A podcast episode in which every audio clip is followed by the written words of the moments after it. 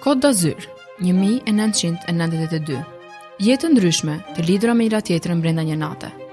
Shumë sekrete të fshehura në errësirën e asaj nate të ftohtë dhjetori. Kundërsa kampi i liceut ishte i mbuluar nga dëbora e madhe, Vinka Rockwell, adoleshentja 17 vjeçare, vendos të arratiset me profesorin e filozofisë, Alexisin, me të cilin kishte një marrëdhënie të fshehtë. Dy jetë që arratisen, Një krim brenda liceut, një trup i murosur brenda mureve të palestrës. Një natë që dukej se ishte më se e zakonshme.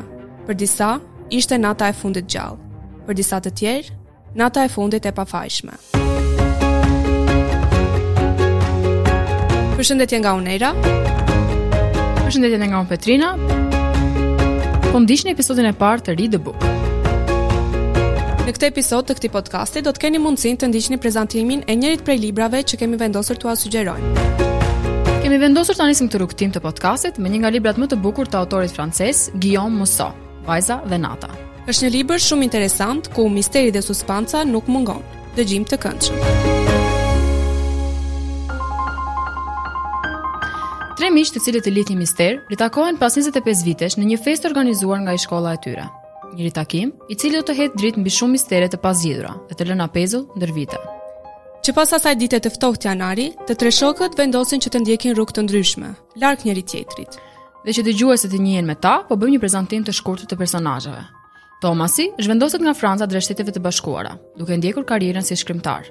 Nuk është martuar dhe nuk ka krijuar familje, dhe pas 25 vitesh rikthehet në Antibes, në qytetin e rinisë, pas një ftese që i bëhet nga ish liceu. Ky rikthim do t'i sjellë atij një sërë kujtimesh të hidhura, jo vetëm për dashurinë e parealizuar e të humbur, por edhe për sekretin që ai fsheh me shokun e tij të ngushtë, Maksimin. Për sa i takon Maksimit, ai ishte djali i një biznesmeni të fuqishëm të quajtur Francis, i cili fatkeqësisht kishte humbur jetën në një mënyrë tragjike.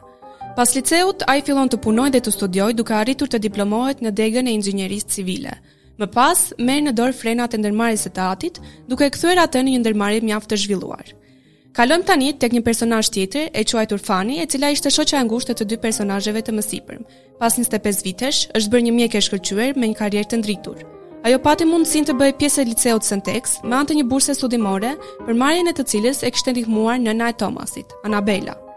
Në fakt, gjatë viteve të gjimnazit, ajo kishte ushqyer ndjenja për mikun e saj Tomasin. por nuk kishte mundur dot kurrë t'ia shprehte dhe e shikonte kështu Vinkën, me të cilën Tomasi ishte marrëzisht i dashuruar si konkurrente. Megjithatë duhet thënë edhe se ardhja e Tomasit nuk ishte veçanërisht për festimet e liceut, por edhe për atë që fshihej në muret e palestrës së asaj shkolle. Ajo që ka ndodhur natën e dhjetorit 1992, nëse për sytë e huaj është thjesht një histori e çmendur, për rrethin e ngushtë dhe për ata që dinin më shumë për këtë histori, është më shumë se kaq. Një sekret që ishte i mbajtur i fshehtë për 25 vite. Megjithatë, asgjë nuk mbetet në errësirë, dhe tani që dikush tjetër e di sekretin, ka ardhur të hakmerret. Duhet të marr masa paraprake.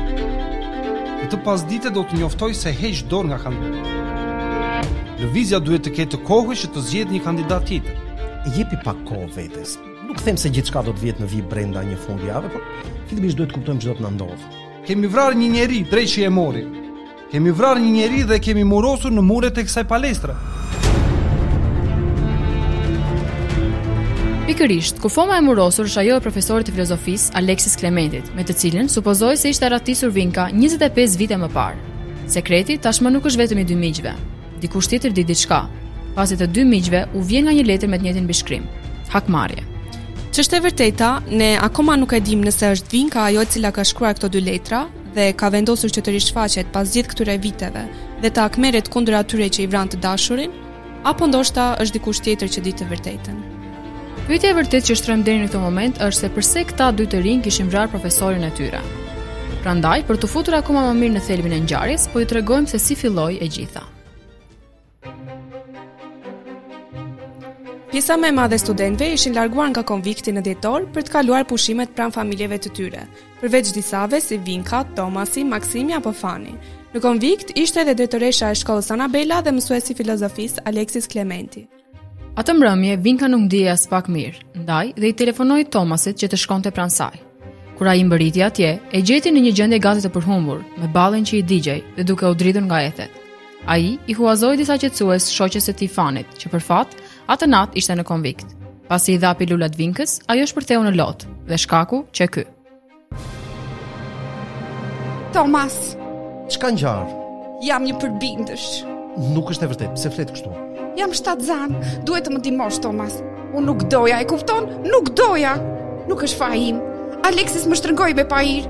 Ai më detyroi të shkoja në shtrat me të. Do t'i rregullojmë të gjitha. Tomasi sapo kishte thënë dy gënjeshtra. E para ishte se ai nuk do t'i përmirësonte gjërat, por përkundrazi, do t'i përkeqësonte edhe më shumë ato. Dhe gënjeshtra e dytë ishte se ai nuk u kthye më kurrë në dhomën e Vinkës. Pasi doli nga dhoma e Vinkës, ai shkoi në dhomën e Aleksisit, i cili ndodhej në konvikt atë natë. Pasi profesori i filozofisë i hapi derën dhe e ftoi brenda, Tomasi e sulmoi atë direkt me një shufër hekuri, duke mos i lënë mundësi të mbrohet. Profesori dergjej në dysheme, por ai vazhdonte ta godiste e pa e lënë të mbushej me frymë. Goditjet ishin të sakta, metodike, fryt i një energjie që nuk ishte e tija. Teksa shkonte nëpër mend përsëri fjalët e Vinkës, mllefi dhe tërbimi i shtoheshin dora-dorës. Aleksis më shtrëngoi me pahir, ai më detyroi të shkoja në shtrat me të.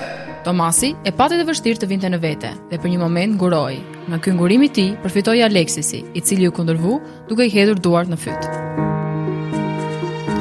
Tomasi e pati të vështirë të shpëtonte prej tij, dhe çdo gjë për të mund të kishte marrë fund aty, nëse nuk do të kishte ardhur në ndihmë Maksimi, i cili i dha një goditje vdekjeprurëse Aleksisit, duke e lënë atë të vdekur. Të dy djemtë ishin të tronditur nga e gjithë kjo që sapo kishte ndodhur.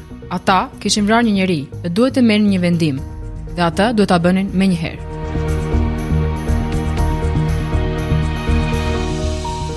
Çdo gjë e mori nën kontroll Francisi, babai i Maksimit, i cili së bashku me ndihmësin e tij murosën trupin e pajetë të profesorit në murin e palestrës, së bashku me shufrën e hekurit dhe thikën.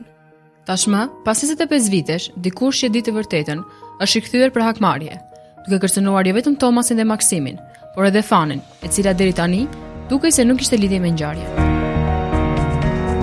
Se cila ishte lidhja e Fanit me gjithë ngjarjen, kjo mbetet për t'u parë. Ajo çka është vërtet e çuditshme është se çfarë kishte ndodhur në të vërtetë me Vinkën, sepse dëshmimtarët e asaj kohe dëshmuan se ata e panë atë të arratisej me profesorin e filozofisë, por deklarata e Tomasit mbi vrasjen e profesorit tashmë vë në pikëpyetje vendndodhjen e vërtetë të Vinkës. Është një histori që lidh shumë personazhe, ka shumë të papritura dhe zbulime që të habisin. Askush nuk është i pafajshëm dhe mbrapa atij muri fshihet më shumë se një kufomë.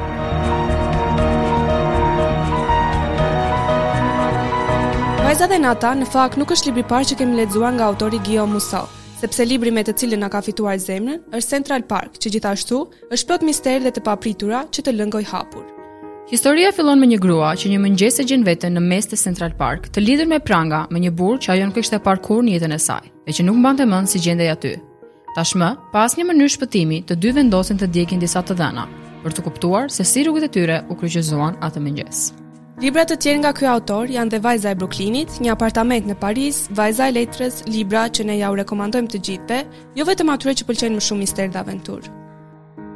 Detaj interesant mbi librin është se në fakt është i vetmi deri tani ngjarja e të cilit zhvillohet në vendin e lindjes së vetë autorit. Edhe në librat e tjerë, ngjarjet janë të përqendruara kryesisht ndërmjet Shteteve të Bashkuara të Amerikës dhe Francës, por ky veçanërisht në Antibes, një qytet në juglindje të Francës.